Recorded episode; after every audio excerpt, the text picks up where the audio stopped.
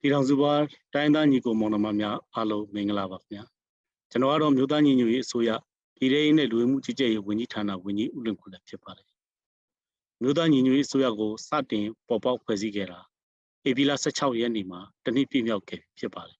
ကျွန်တော်အနေနဲ့ကျွန်တော်တို့ဝန်ကြီးဌာနရဲ့တနစ်တာဆောင်ရွက်မှုတွေကိုအချင်းချုပ်တင်ပြသွားမှာဖြစ်ပါတယ်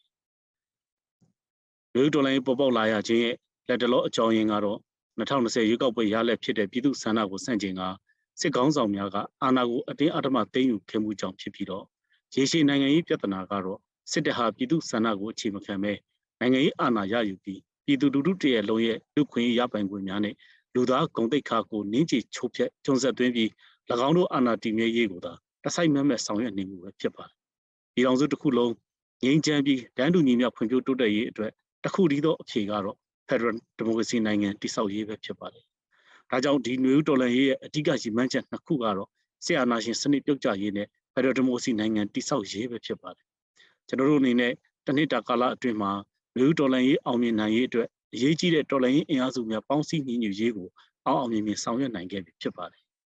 လွှတ်တော်ကိုယ်စားလှယ်များရဲ့တာဝန်ကိုကျေပွန်စွာထမ်းဆောင်နိုင်ရေးအတွက်ပြည်အောင်စုလွှတ်တော်ကိုစားပြုကော်မတီကလည်းလွှတ်တော်လုပ်ငန်းများကိုအောင်အောင်မြင်မြင်ဆောင်ရွက်နေပါတယ်။တိုင်းသားလက်နက်ကိုင်တော်လှန်ရေးအင်အားစုများ လွှတ်တော်ကိုယ်စားလှယ်များနိုင်ငံရေးပါတီများတပိတ်ကော်မတီများအရက်ဖက်အဖွဲ့အစည်းများနဲ့စီဒီအန်ကိုယ်စားလှယ်များပါဝင်တဲ့မြို့သားညီညွတ်ရေးကောင်စီကလည်းဖက်ဒရယ်ဒီမိုကရေစီနိုင်ငံတည်ဆောက်ရေးအတွက်အရေးကြီးတဲ့အခြေခံအုတ်မြစ်ဖြစ်တဲ့ဖက်ဒရယ်ဒီမိုကရေစီပြည်ငင်ကိုပြည်သူညီလာခံခေါ်ယူကျင်းပပြီးတော့အတည်ပြုပြဋ္ဌာန်းပေးခဲ့ပြီးဖြစ်ပါတယ်။ဖက်ဒရယ်ဒီမိုကရေစီပြည်ငင်ကိုအတည်ပြုနိုင်ရေးအတွက်မြို့သားညီညွတ်ရေးအတိုင်ပင်ခံကောင်စီမှာပါဝင်တဲ့လူမျိုးစုံကဏ္ဍစုံဘာသာစုံအင်အားစုအဖွဲ့အစည်းတွေဟာတနစ်တာကာလအတွင်း အစည်းအဝေးအချိန်ပေါင်းရာချီကျင်းပခဲ့ကြရပါတယ်။ Federal Democracy Brain မှာဖော်ပြထားတဲ့နိုင်ငံရေးလုပ်ငန်းစဉ်တွေကိုအကောင့်ထဲပေါ်ဖို့မြို့သားညီညွတ်ရေးအစိုးရအနေနဲ့နိုင်ငံရေးလူထုတက်ကြွလှုပ်ရှားရေးစစ်ရေးနိုင်ငံခြားရေးတန်တမန်ရေးစီးပွားရေးစတဲ့ကဏ္ဍ9ရပ်ပါဝင်တဲ့မဟာဗျူဟာကိုချမှတ်ဆောင်ရွက်နေပြီဖြစ်ပါတယ်။အင်အားကြီးတဲ့တိုင်းသားလက်နက်ကိုင်တော်လှန်ရေးအင်အားစုများနဲ့လည်း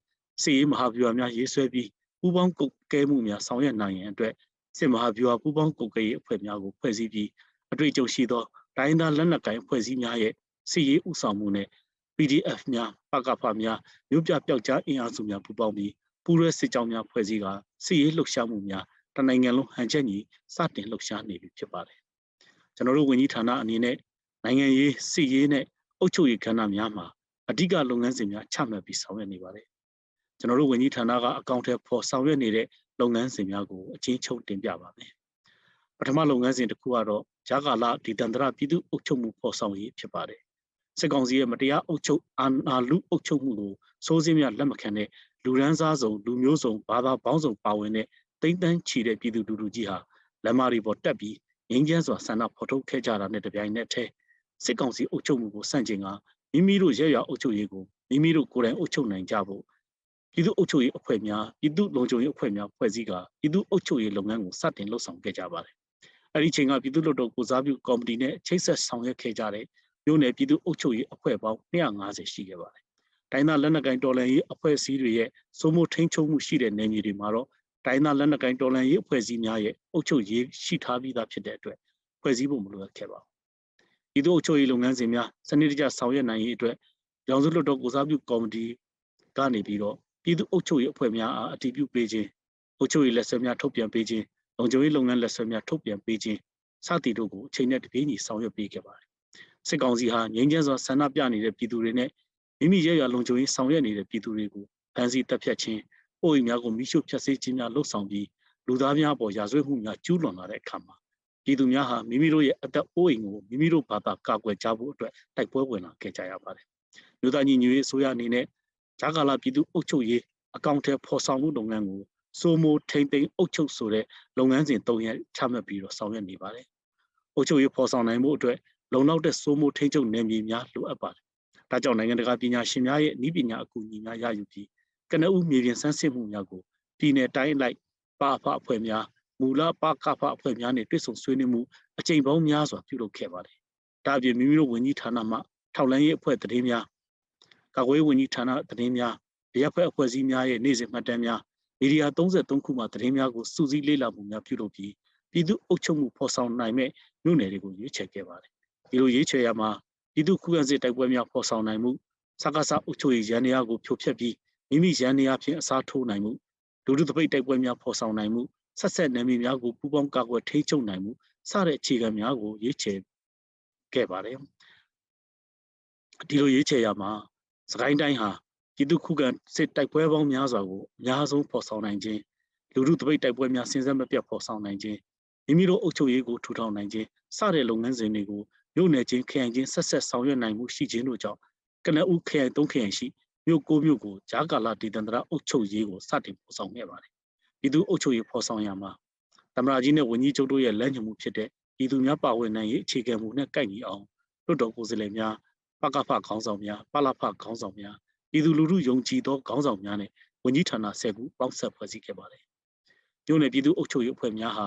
ယခုချိန်မှာဆိုရင်ဝန်ကြီးချုပ်ကြီးဦးဆောင်တဲ့ဂျာကာလာဒေသန္တရအုပ်ချုပ်မှုဖော်ဆောင်ရေးဘောကော်မတီကထုတ်ပြန်ပေးတဲ့ပြည်သူ့အုပ်ချုပ်ရေးလက်ဆွဲရဲလက်ဆွဲတရားရေးအခြေခံမူများနဲ့အညီရွေးကောက်ပွဲများကျင်းပပြီးတော့၎င်းရွေးချယ်ပွဲများဆောင်ရွက်ပြီးတော့၎င်း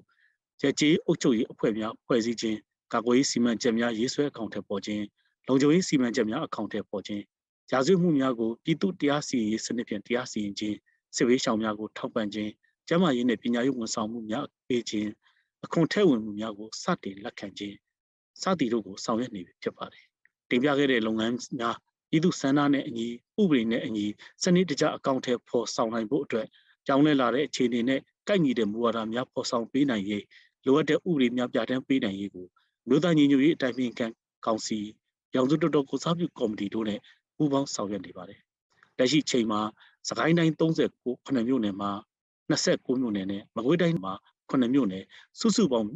မြို့နယ်ပေါင်း26မြို့နယ်မှာဂျာကာလာဒေသန္တရပြည်သူ့အုပ်ချုပ်ရေးအဖွဲ့များဖွဲ့စည်းပြီးပြည်သူ့အုပ်ချုပ်ရေးကိုပြည်သူများနဲ့ပူးပေါင်းပါဝင်မှုနဲ့ဖော်ဆောင်နေပြီဖြစ်ပါတယ်။ဒီအာဝတီတိုင်းနဲ့ပဲခူးတိုင်းတို့မှာလည်းကနဦးမြေပြင်စမ်းစစ်မှုများဆောင်ရွက်ပြီးစိုးမိုးထိန်ချုပ်အုပ်ချုပ်ရေးစီမံချက်များရေးဆွဲပြီးဒိုင်းသားလက်နက်ကိုင်တော်လှန်ရေးအဖွဲ့များ PDF များပကဖများပလဖများမြို့ပြပျောက်ကြားအဖွဲ့များတပိတ်ကော်မတီများတွတ်တော်ကိုယ်စားလှယ်များနဲ့ပူးပေါင်းပြီးဂျာကာလာပြည်သူ့အုပ်ချုပ်ရေးပေါ်ဆောင်ဖို့ဆက်လက်စ조사သွားမှာဖြစ်ပါတယ်။ကြံတိုင်းနဲ့ပြည်နယ်များမှာလည်းမြို့သားညီညွတ်ရေးအစိုးရကာကွယ်ရေးဝန်ကြီးဌာနရဲ့ပြည်သူ့စစ်မဟာဗျူဟာနဲ့အညီစိုးမိုးထိန်းချုပ်နယ်မြေများတည်ဆောက်ပြီးပြည်သူ့အုပ်ချုပ်ရေးလုပ်ငန်းများအရှိန်အဟုန်မပြတ်ဆက်လက်ဆောင်ရွက်သွားမှာဖြစ်ပါတယ်။ဂျာကာလာပြည်သူ့အုပ်ချုပ်မှုပေါ်ဆောင်ရေးလုပ်ငန်းစဉ်နဲ့ပတ်သက်ပြီးလုပ်ငန်းစီမံချက်များရေးဆွဲခြင်း မူဝါဒများရေးဆွဲအကောင့်ထဲပေါ်ခြင်းတို့မှာတက်တက်ကြွကြွပါဝင်ပေးကြတဲ့စီဒံဝန်ထမ်းအရာထမ်းများနိုင်ငံတကာပညာရှင်များနဲ့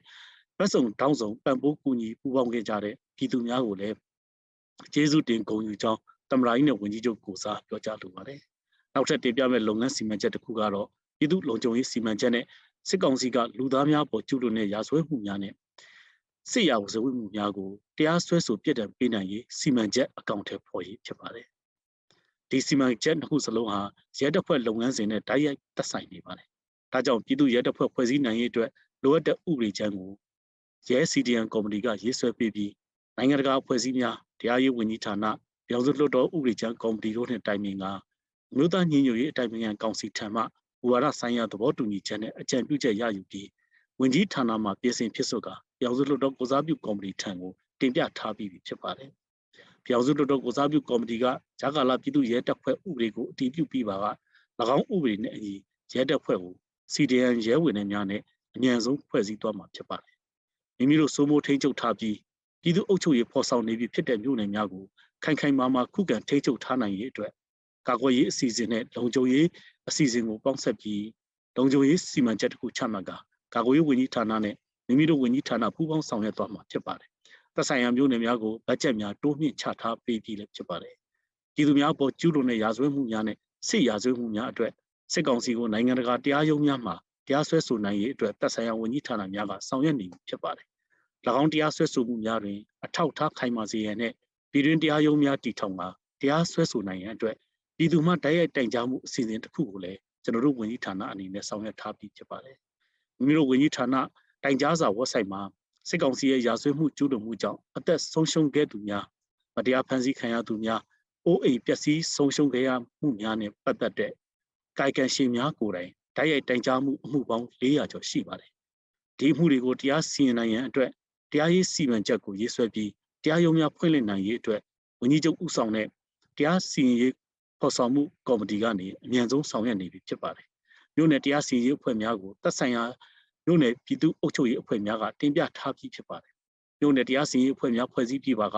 မိမိတို့ထံတိုင်ကြားထားသောအမှုများအကျူးလွန်ခံရတော့လဲတိုင်ကြားခြင်းမရှိသောအမှုများကို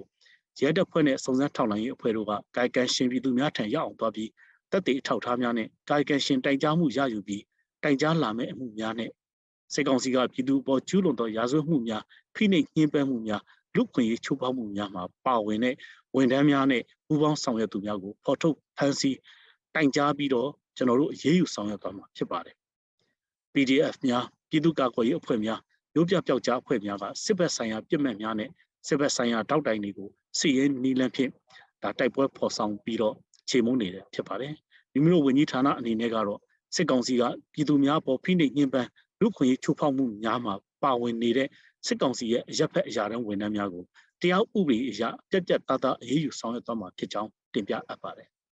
ကျွန်တော်တို့ဝန်ကြီးဌာနမှာ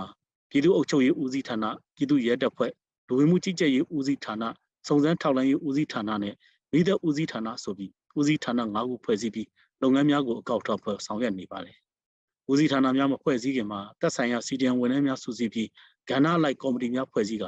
လုပ်ငန်းများကိုအကောင့်ထက်ပေါ်ဆောင်ရွက်နေရာ ယခုခါမှာတော့ဦးစီးဌာနများဖြင့်ပြောင်းလဲဖွဲ့စည်းပြီးလုပ်ငန်းများအရှိန်ဟုန်မြင့်တင်ဆောင်ရွက်လျက်ရှိပါတယ်ကျွန်တော်တို့ဝန်ကြီးဌာနနဲ့ချိတ်ဆက်ထားတဲ့စီဒီအမ်ဝန်ထမ်းပေါင်း4892ဦးရှိပါတယ်ဦးစီးဌာနမှာအချိန်ပြည့်တာဝန်ထမ်းဆောင်ပေးနေတဲ့စီဒီအမ်ဝန်ထမ်းအရာတန်းစုစုပေါင်း250ရှိပါတယ်ကျွန်တော်တို့ဝန်ကြီးဌာနနဲ့ပူးပေါင်းဆောင်ရွက်နေတဲ့စီဒီအမ်အုပ်ချုပ်မှုကော်မတီ၄ခုရဲ့လုပ်ငန်းဆောင်ရွက်ချက်များကိုဆက်လက်တင်ပြလိုပါတယ် ပထမဦးစွာအထွေထွေအုပ်ချုပ်ရေးဦးစီးဌာနစီဒီအမ်ဝန်ထမ်းများအုပ်ချုပ်မှုကော်မတီရဲ့လုပ်ငန်းဆောင်ရွက်မှုများကိုတင်ပြလိုပါတယ်အဲဒီဒီစီဒီအမ်ဝန်ထမ်းများအုပ်ချုပ်မှုကော်မတီကနေပြီးတော့ကျွန်တော်တို့ဝန်ကြီးဌာနရဲ့လမ်းညွှန်မှုနဲ့မြေပြင်မှာဆောင်ရွက်နေတဲ့ပကဖပအဖပလဖအဖွဲ့များအတွက်လက်ဆဲစာဆောင်များထုတ်ဝေခြင်းစီဒံဝန်ထမ်းစည်းရင်းများစုဆောင်ခြင်းပြင်ဆင်တီးဖြတ်ပြီးနောက်ဆုံးအခြေအနေနဲ့ကိုက်ညီမှုရှိအောင်စည်းရင်းများပြုစုထိန်းသိမ်းခြင်းနဲ့တက်နိုင်သလောက်ထောက်ပံ့ခြင်းလုပ်ငန်းများကိုဆောင်ရွက်ခဲ့ပါတယ်။ယနေ့အချိန်ထိ ဆက်သွယ်ရရှိထားတဲ့အထွေထွေအုပ်ချုပ်ရေးဦးစီးဌာနစီဒံဝန်ထမ်းများကတော့အရာတန်းဥယျာဉ်24ဦးအမှုတန်းဥယျာဉ်2189ဦးစုစုပေါင်း2200နဲ့တဦးရှိပြီးကျန်စီဒီအမ်ဝန်ထမ်းများကိုချိတ်ဆက်နိုင်ရေးဆက်လက်ဆောင်ရွက်လျက်ရှိပါတယ်ကျွန်တော်တို့ဝန်ကြီးဌာနကနေပြီးတော့စီဒီအမ်ဝန်ထမ်းများအတွက်အင်္ဂလိပ်စာအွန်လိုင်းသင်တန်းတွေကိုလည်းဖွင့်လှစ်ပေးနေပါတယ်ကျေးလက်နေမျိုးသမီးစီးပွားရေးလုပ်ငန်းရှင်တွေအတွက်အသေးစားစီးပွားရေးစွမ်းဆောင်မှုအခြေခံသင်တန်း စီးပွားရေးနဲ့ကုသရေးရောင်းဝယ်ရေးဝန်ကြီးဌာနမှအပတ်စဉ်ဖွင့်လှစ်သောစွမ်းဆောင်ရည်မြင့်တင်ရေးနဲ့ခေါင်းဆောင်မှုစွမ်းရည်သင်တန်းများကိုလည်းအထွေထွေအုပ်ချုပ်ရေးဦးစီးဌာန CDN ဝန်ထမ်းများကတက်ရောက်လျက်ရှိပါတယ်။ဦးစီးဌာနဖွဲ့စည်းပုံရေးဆွဲခြင်းလုပ်ငန်းစုံမှုနယ်မြေများမှာပဖရုံးများလုပ်ငန်းဆောင်ရွက်နိုင်ရန်အတွက်စီမံချက်များရေးဆွဲဆောင်ရွက်ပေးခြင်းမြေပြင်ပဖများလုပ်ငန်းလွယ်ကူချုံးမွေစေရအတွက်အုပ်ချုပ်ရေးတင်နန်းများကိုလည်း CDN ဝန်ထမ်းကော်မတီကနေပြီးတော့ဒါဖော်ဆောင်ပေးလျက်ရှိပါတယ်။ နောက်တစ်ခုတင်ပြလိုတာကတော့ CDN ပြည်သူ့ရဲတပ်ဖွဲ့ယာယီအုပ်ချုပ်ရေးကော်မတီရဲ့လုပ်ငန်းများအကြောင်းဖြစ်ပါတယ်။ CDN ရဲတပ်ဖွဲ့ယာယီအုပ်ချုပ်ရေးကော်မတီအနေနဲ့ CDN အင်အားစည်းများစီစစ်လက်ခံပြုစုခြင်းနဲ့ CDN နဲ့ PCN CDN ထပ်မံဝင်ရောက်လာရေးဆောင်ရွက်နေရမှာလက်ရှိအချိန်ထိ CDN ရဲတပ်ဖွဲ့ဝင်2835ဦးရှိနေပြီဖြစ်ပါတယ်။လက်ရှိစစ်ကောင်စီတပ်ဖွဲ့အတွင်းမှာဟန်မပြတ်ဆက်လက်နေထိုင်ပြီးပြည်သူ့အစိုးရနဲ့ပူးပေါင်းပြီးဒီသတင်းပေးဆောင်ရွက်နေတဲ့ရဲတပ်ဖွဲ့ဝင်39ရှိပါတယ်။၎ င်း CDN ရဲတပ်ဖွဲ့ဝင်များကို Pre-CDN ကုတ်များထုတ်ပေးထားခဲ့ပြီဖြစ်ပါတယ်။ CDN ရဲတပ်ဖွဲ့ဝင်များကိုမိမိတို့ဝန်ကြီးဌာနမှ CDN သူရဲကောင်းဂုံပြုလွှာများလည်းချီးမြှင့်ပေးခဲ့ပြီဖြစ်ပါတယ်။မိမိတို့ဝန်ကြီးဌာနနဲ့ချိတ်ဆက်မှုမရရှိသေးသော CDN ရဲဝန်ထမ်း3000ကျော်ကိုဆက်လက်ချိတ်ဆက်နိုင်ရေးအတွက်ဆောင်ရွက်လျက်ရှိပါတယ်။ဆိုဒီ CDN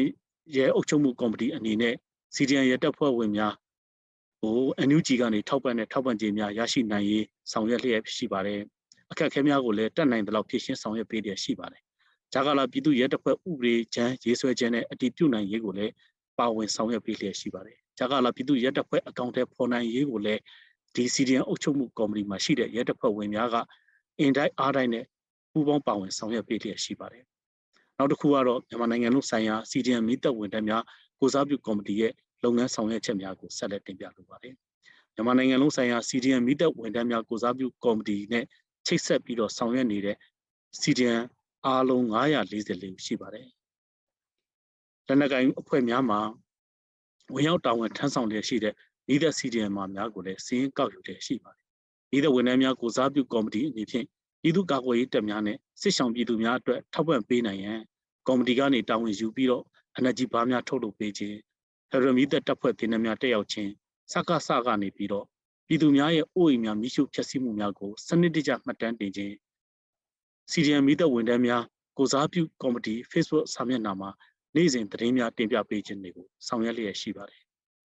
လူဝင်မှုကြီးကြပ်ရေးဝန်ကြီးဌာနကိုစားပြု CDM ကော်မတီအနေနဲ့ကတော့ CDM ဝန်ထမ်းများကိုစနစ်တကျဖွဲ့စည်းထားပြီးလူဝင်မှုကြီးကြပ်ရေးဆိုင်ရာမူဝါဒများချမှတ်ရေးနဲ့ပတ်သက်ပြီးမြန်မာနိုင်ငံသားပြည်သူလူထုကို National Identity ကများထုတ်ဝေနိုင်ရေးက မ္ဘာအရရက်မှာပြန့်နှံ့ရောက်ရှိလျက်ရှိတဲ့မြန်မာနိုင်ငံသားများကို NUG အစိုးရထောက်ခံသောအတိအမှတ်ပြုကပြထုတ်ပေးရေးထိုင်းနိုင်ငံရောက်မြန်မာရွှေပြောင်းအလုပ်သမားများအားတရားဝင်နေထိုင်ခွင့်တက်တန်းတိုးလက်မှတ်များထုတ်ပေးရေးစတဲ့လုပ်ငန်း၃ရက်အနက်ကနေဦးစားပေးဆောင်ရွက်နိုင်မဲ့လုပ်ငန်းတွေကိုရွေးချယ်တက်မှတ်၍ဘူဝါဒများရေးဆွဲခြင်းလုံထုံးတုံနည်းများရေးဆွဲခြင်းလုပ်ငန်းများဆောင်ရွက်နိုင်ရေးအတွက်တပ်ဆိုင်ရာအဖွဲ့အစည်းများအခြားသောမိဖက်ဝင်ကြီးဌာနများနဲ့တွဲဆုံဆွေးနွေးမှုများပြုလုပ်လျက်ရှိပါတယ်။ အထူးစုံစမ်းထောက်လှမ်းရေးဦးစီးဌာနအနေနဲ့တော့ရန်ကုန်တိုင်းအကွေးတိုင်းအေရဝတီတိုင်းပဲခူးတိုင်းစကိုင်းတိုင်းမကွေးတိုင်းတနင်္လာရီတိုင်းနဲ့မွန်ပြည်နယ်တို့မှာအထူးထောက်စုံစမ်းထောက်လှမ်းရေးအဖွဲ့များဖွဲ့စည်းဆောင်ရွက်လျက်ရှိပါတယ်။အထူးစုံစမ်းထောက်လှမ်းရေးဦးစီးဌာနအနေနဲ့ပြည်သူလူထုအပေါ်ဖိနှိပ်အကြမ်းဖက်တဲ့စစ်ကောင်စီအုပ်ချုပ်ရေးကိစ္စရပ်များကိုစုံစမ်းဖော်ထုတ်ခြင်းအကြမ်းဖက်စစ်ကောင်စီရဲ့တောက်တိုင်မှန်သမျှကိုစုံစမ်းဖော်ထုတ်ခြင်းပြည်သူလူထုဘဝလုံခြုံရေးအတွက်တည်ချက်လက်များစုဆောင်းတင်ပြခြင်းဒေတာတွင်းစစ်အခြေစိုက်စခန်းများ အကြမ်းဖက်စစ်အုပ်စုရဲ့အင်အားများနဲ့တက်တီရွေးလှုပ်အခြေအနေများကိုစောင့်ကြည့်လေ့လာခြင်းလုပ်ငန်းများကိုဆောင်ရွက်လျက်ရှိပြီးတော့ရရှိလာတဲ့အချက်လက်များကို PDF များမြို့ပြတောက်ကြားအဖွဲ့များနဲ့ပူးပေါင်းပြီးတော့စစ်စီရေးလုပ်ငန်းတွေမှာကူညီဆောင်ရွက်ပေးလျက်ရှိပါတယ်။ပြည်သူဘက်ကရက်တီလာတဲ့ CDN ဝန်ထမ်းများဟာမူဝါဒလုပ်ငန်းစဉ်များရေးဆွဲရမှာပူးပေါင်းအကြံပေးရေးဆွဲခဲ့ကြသလိုအကောင့်ထဲပေါ်ဆောင်ရွက်မှုလုပ်ငန်းများမှာလည်းအချိန်ပြည့်အင်တိုက်အားတိုက်ဆောင်ရွက်ပေးနေကြပါတယ်။ အခုလိုပြည်သူဘက်ကရက်တီပြီးပူးပေါင်းဆောင်ရွက်နေတဲ့ CDN ဝန်ထမ်းအရာတန်းများအတွက်လည်းဝမ်းသာကုန်ယူရပါကြောင်းဒီနေရာကပြောကြားလိုပါတယ်။မြို့သားညီညွတ်ရေးအစိုးရရဲ့နိုင်ငံရေးဥဆောင်မှုနဲ့စီဒီအန်ဝန်ထမ်းအရာထမ်းများရဲ့လုပ်ငန်းအတွေ့အကြုံများပေါင်းဆက်ပြီးဒေါ်လာရေးအောင်မြင်ပြည့်မြောက်ရုံတမကအနာဂတ်ဖက်ဒရယ်ဒီမိုကရေစီနိုင်ငံတည်ဆောက်ရေးအထိပါအတူတကလက်တွဲဆောင်ရွက်သွားမှာဖြစ်ကြောင်းလည်းပြောကြားလိုပါတယ်။ဒီကုန်းချုပ်အနေနဲ့တင်ပြရရင်မြို့သားညီညွတ်ရေးအစိုးရတနစ်တာကာလအတွင်းမှာဒေါ်လာရေးပန်းနိုင်ကိုအမြန်ဆုံးရောက်လက်နိုင်မဲ့မဟာဗျူဟာများကို လက်တွေ့ကြကြအကောင့်ထဲပေါ်ရမှာလိုအပ်တဲ့နိုင်ငံရေးမဟာမိတ်ဆက်ဆံရေးစစ်ရေးလူလူတက်ကြွလှုပ်ရှားရေးတန်တမာရေးစီးပွားရေးဆိုင်ရာအခြေခံတိဆောက်ရေးလုပ်ငန်းများကိုအောင်အောင်မြင်မြင်ဆောင်ရွက်ခဲ့ကြပြီဖြစ်ပါတယ်။ဒါကြောင့်လာမယ့်အနာဂတ်အတွင်းမှာဖြစ်နိုင်ရရှိတဲ့နီလန်ပေါင်းစုံကိုတုံးပြီးတော်လှန်ရေးအရှိန်ဟုန်ကိုမြင့်တင်ဆောင်ရွက်တော့မှာဖြစ်ပါတယ်။ပြည်သူအားကိုအခြေခံထားတဲ့တော်လှန်ရေးဖြစ်တဲ့အတွက်ကြောင့်ပြည်သူများရဲ့ထောက်ခံပူးပေါင်းဆောင်ရွက်မှုဟာတော်လှန်ရေးရဲ့အဓိကအင်အားဖြစ်ပါတယ်။ဆရာနာရှင်စနစ်ကိုဖြုတ်ချပြီးအချုပ်ချအာဏာဟာ ပြည်သူထံကဆင်းသက်တဲ့ဆိုတဲ့အခြေခံမူကိုအာမခံနိုင်တဲ့ဖက်ဒရယ်ဒီမိုကရေစီပြည်ထောင်စုနိုင်ငံတည်ဆောက်ရေးကိုကိုယ်စားညံစွမ်းရှိသမျှကျွန်တော်တို့ဝန်ကြီးဌာနအနေဖြင့်ပြည်သူနဲ့အတူပူးပေါင်းပြီးတက်ပြတ်သားသားစစ်အာဏာရှင်စနစ်ကိုအမြင့်ပြတ်တော်လှန်သွားမှာဖြစ်တဲ့အကြောင်းကတိသစ္စာပြုပါတယ်။ပြည်သူ့နေဦးတော်လှန်ရေးဟာမုတ်ချကိုအောင်မြင်မှာဖြစ်တဲ့အတွက်ကြောင့်တော်လှန်ရေးမှာကြာဆုံးသွားကြတဲ့မျိုးဆက်လူငယ်တွေကိုဥညွှတ်ရင်းတော်လှန်ရေးခီးအောင်မြင်သည့်အထိမလျှော့တမ်းမဆုတ်တမ်းဆက်လက်တိုက်ပွဲဝင်ကြပါစို့လို့ပြောကြရင်း ဒီကုန်းချုပ်ပါတယ်။ရေးတော်ပုံအောင်ရမည်